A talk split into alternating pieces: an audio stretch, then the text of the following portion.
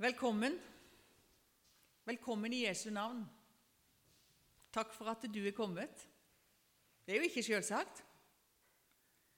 En helt vanlig dag, helt vanlig søndag 2019, og så er det samla en del mennesker her på Volda bedehus og har fellesskap med hverandre og med sin frelser Jesus Kristus. Jeg heter Marit Andersen, kommer fra Tromøya utenfor Bjarendal. Jeg, ja, jeg har vært misjonær.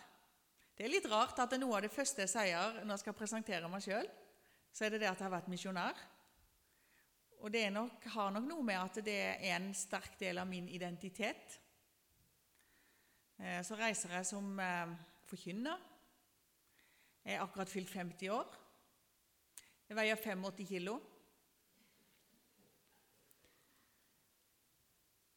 Jeg er ikke gift. Og I Bolivia så måtte jeg samtidig sagt at jeg er ikke gift og har ikke barn. For i Bolivia syntes de det var ille at jeg ikke var gift, men de syntes det var enda verre at jeg ikke hadde barn. Sånn er det. Og så har jeg fått lov til å være i Volda denne uka, og det har jeg satt pris på. Um, truffet ulike mennesker, ser litt åssen eh, dere har det. Og så er det jo sånn da, at Når jeg taler, så tenker jeg mange ganger åh, Tenk hvis jeg hadde visst åssen alle menneskene som sitter her, har det. Men det gjør jeg jo ikke. Men eh, vi har jo noen ting felles, da.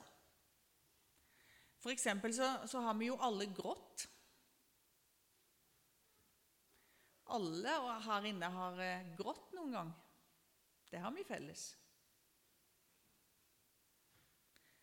Alle her inne har noen som de er glad i. Så hvis en begynner å tenke sånn, så har vi mange ting felles. I dag så skal jeg begynne med å lese et bibelvers. Og jeg håper jeg kommer tilbake til, til det etter hvert.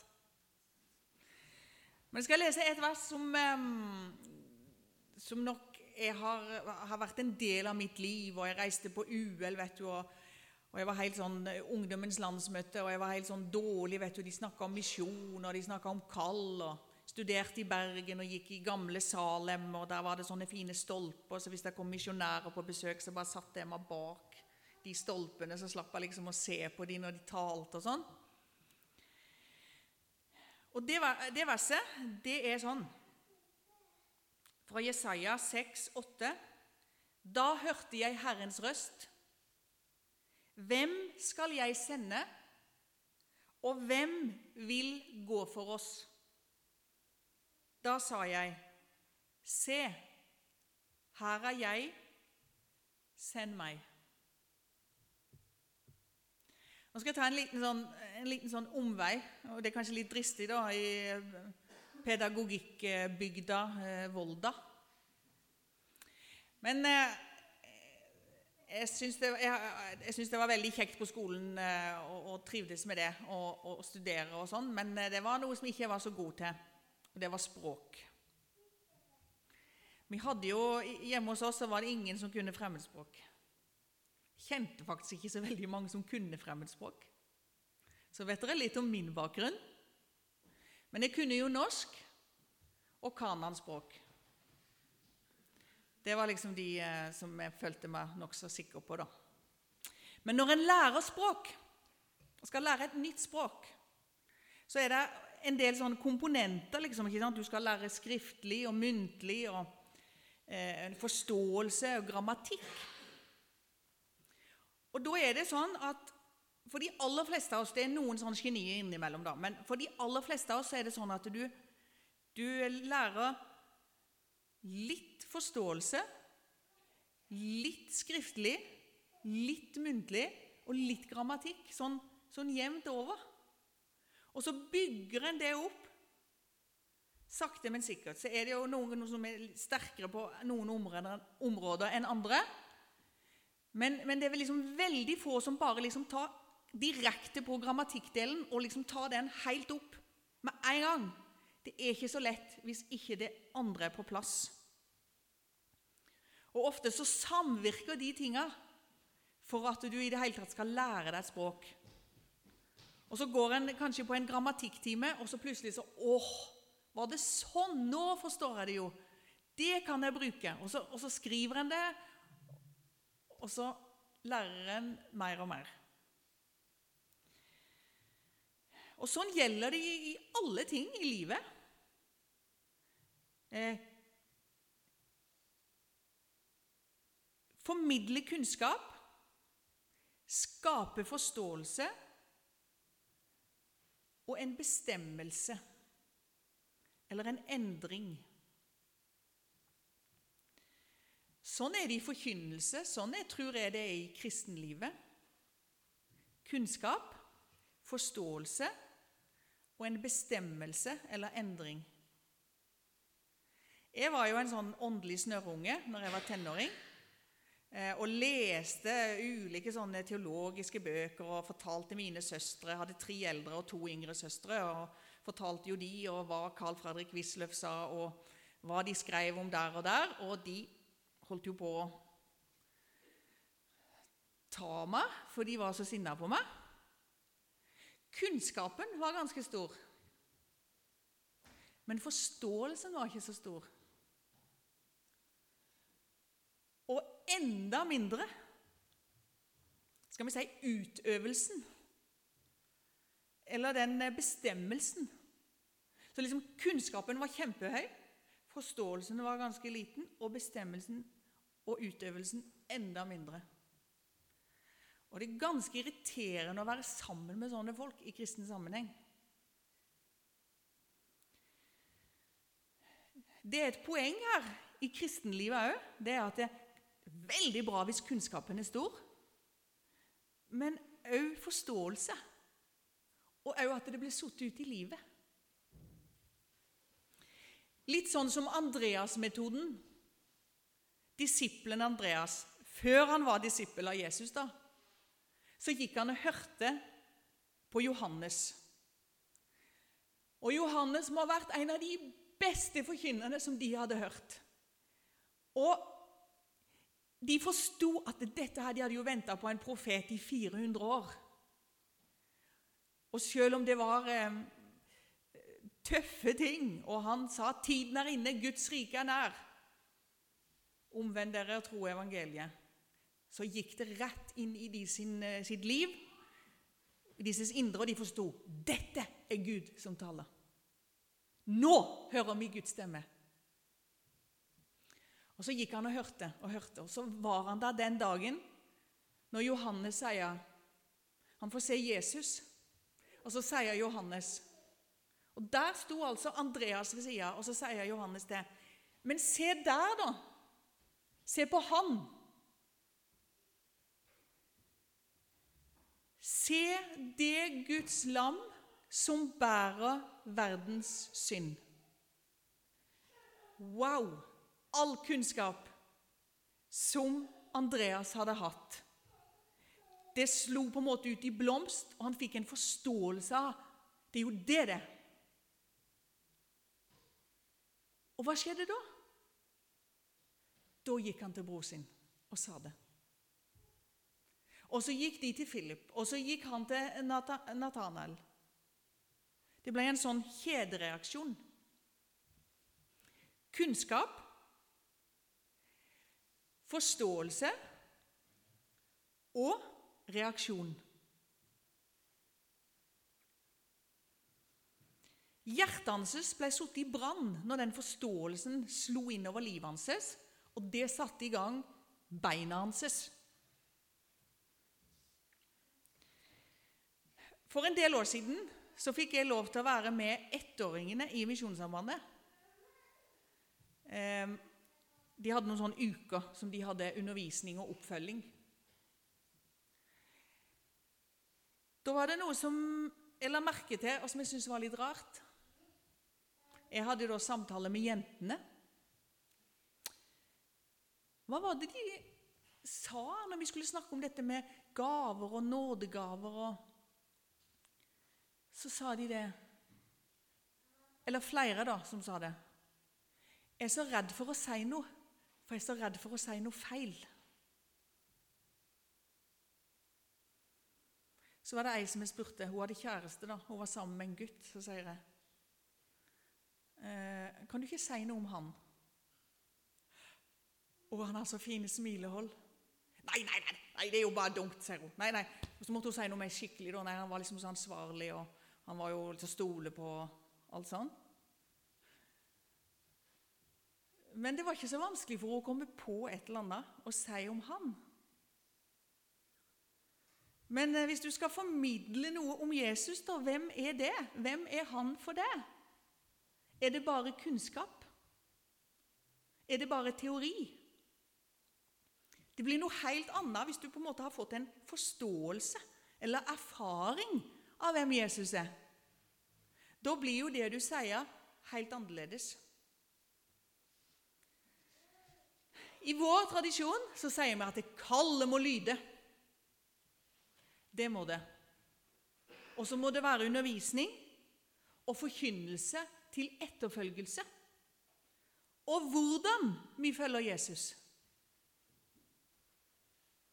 Hva skal vi med en sterk kallsforkynnelse hvis det ikke får konsekvenser? Det blir omtrent det samme som å ha et gedigen kraftverk. Men hvis ikke du har kabler eller høyspentledninger eller et distribusjonsnett, hva skal du da med et kraftverk? Det er ikke så mye vits i. Jeg syns at dette her i Bibelen der er et eksempel med en ung mann som heter Apollos, som kommer til Efesus. Og Han er sterk i ånden, og han eh, taler sterkt om Jesus og overbeviser folk ut fra Skriftene. Men så er det bare Vet du hva? Kunnskapen var kanskje ikke på høyde med forståelsen og erfaringen. Så han hadde en gang ikke det rette dåpssyn. Og det var, det var eh, flere ting han trengte egentlig å få litt kunnskap om fra Skriften. Men da er det et ektepar. Det er Akvilas og Priskilla. Og Da står det om de to at de, de ber han hjem, og så legger de ut Skriften for ham. Sånn at det er han som kanskje hadde forståelse og kanskje den erfaringen og, og, og utøvelsen, den, den, var kanskje veldig høy. Og så var kunnskapen litt liten. Og så hjelper de han videre for å få litt balanse i dette her.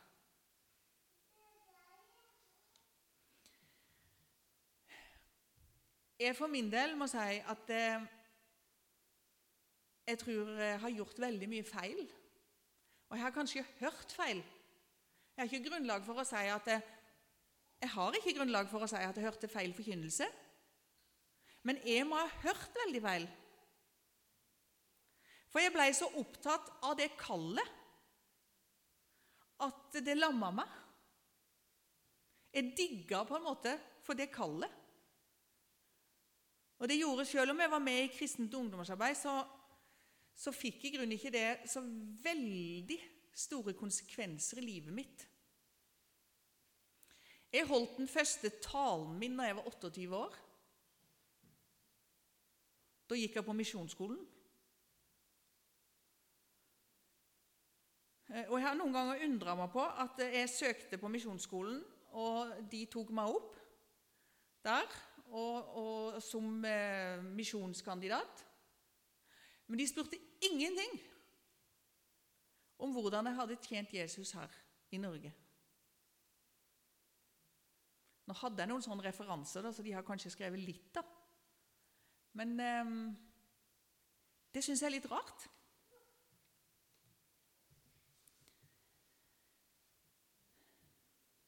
Andre Korinterbrev 5.15.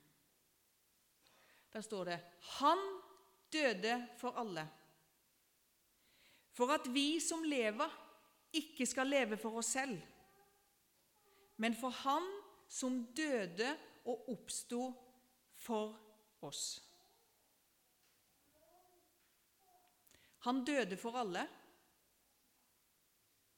Det er en sannhet. Det er en kunnskap. Det står fast. Eh, men det står ikke punktum der. Den, den, den kunnskapen og den nåden og den, den off, det offeret som han ga, det skal, jo, det, det skal jo sette ting i bevegelse. Det skal være en kunnskap om det og en forståelse av hva det er. Og så skal det være virke i våre liv. For at det er vi som lever, ikke skal leve for oss sjøl, men for Han som døde og oppsto for oss.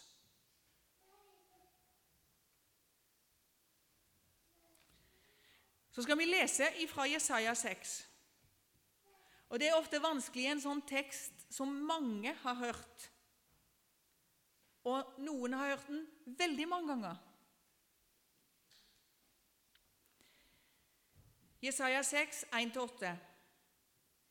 I det året da kong Usia døde, så jeg Herren sitte på en høy, opphøyet trone, og slep av hans kåpe fylte tempelet.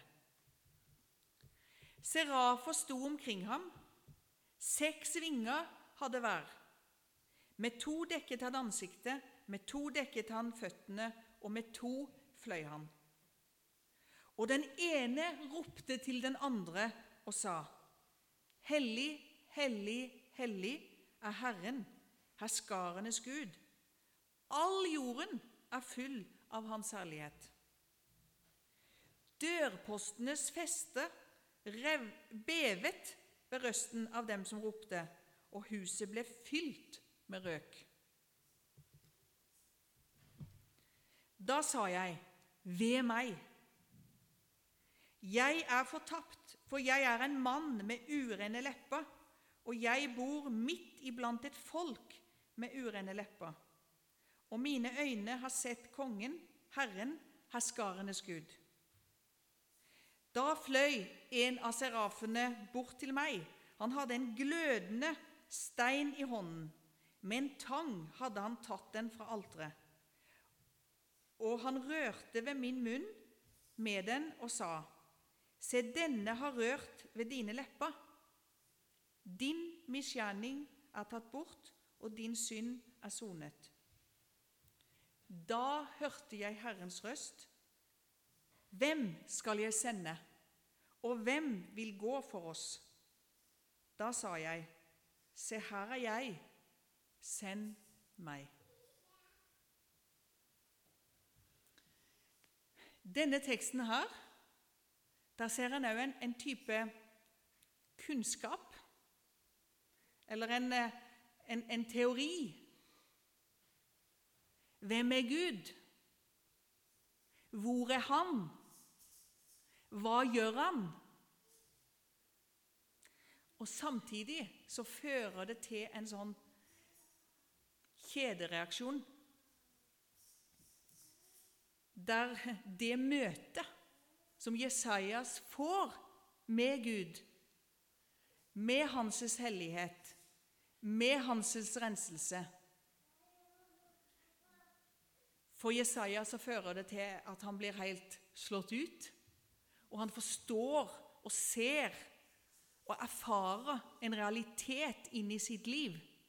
Og det er at han er helt fortapt, og han er urein. Og ikke bare er han urein, men han forstår jo det at det er jo faktisk elever blant et folk som er ureint.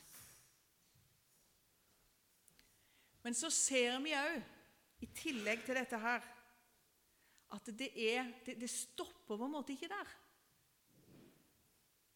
Det er ikke sånn at han får masse kunnskap. Han får en veldig erfaring. Litt sånn som når vi er på møte, så sier vi det. Ja, nå fikk jeg mye å tenke på. Kanskje vi skulle hjelpe hverandre til å si ja, nå fikk jeg noe, jammen meg noe å, å tenke på og sette ut i livet. For da skjer det en sånn kjedereaksjon. Og det skjedde det for Jesajas. Han fikk en reaksjon både i forhold til det han opplevde hvem han var, og at han var syndig, og at han trengte renselse og tilgivelse. Og så opplever han det at han får et direkte kall. Hvem skal jeg sende, og hvem vil gå for oss? Og det kallet kommer Herren med til det òg. Og det er ikke sånn at Herren bare kommer med kall til folk som er mellom 15 og 23 år. Herren kommer med kall til folk som er 12 år og 21 år og 35 år og 50 år og 60 år og 80 år og 90 år. Hvem vil gå for oss i Volda?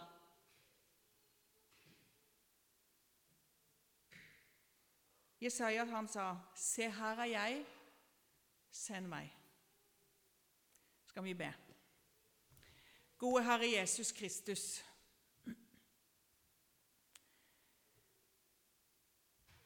Takk for at du er høstens herre.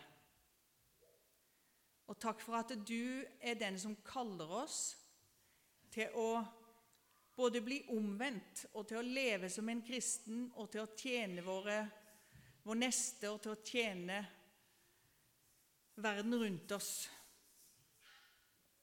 Gode Jesus, jeg ber om at, det, at du må gi oss kunnskap. Jeg ber om at du må gi oss forståelse.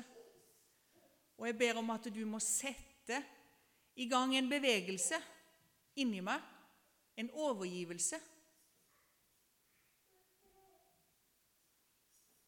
Og jeg ønsker å si, Herre, se her er jeg, send meg. Amen.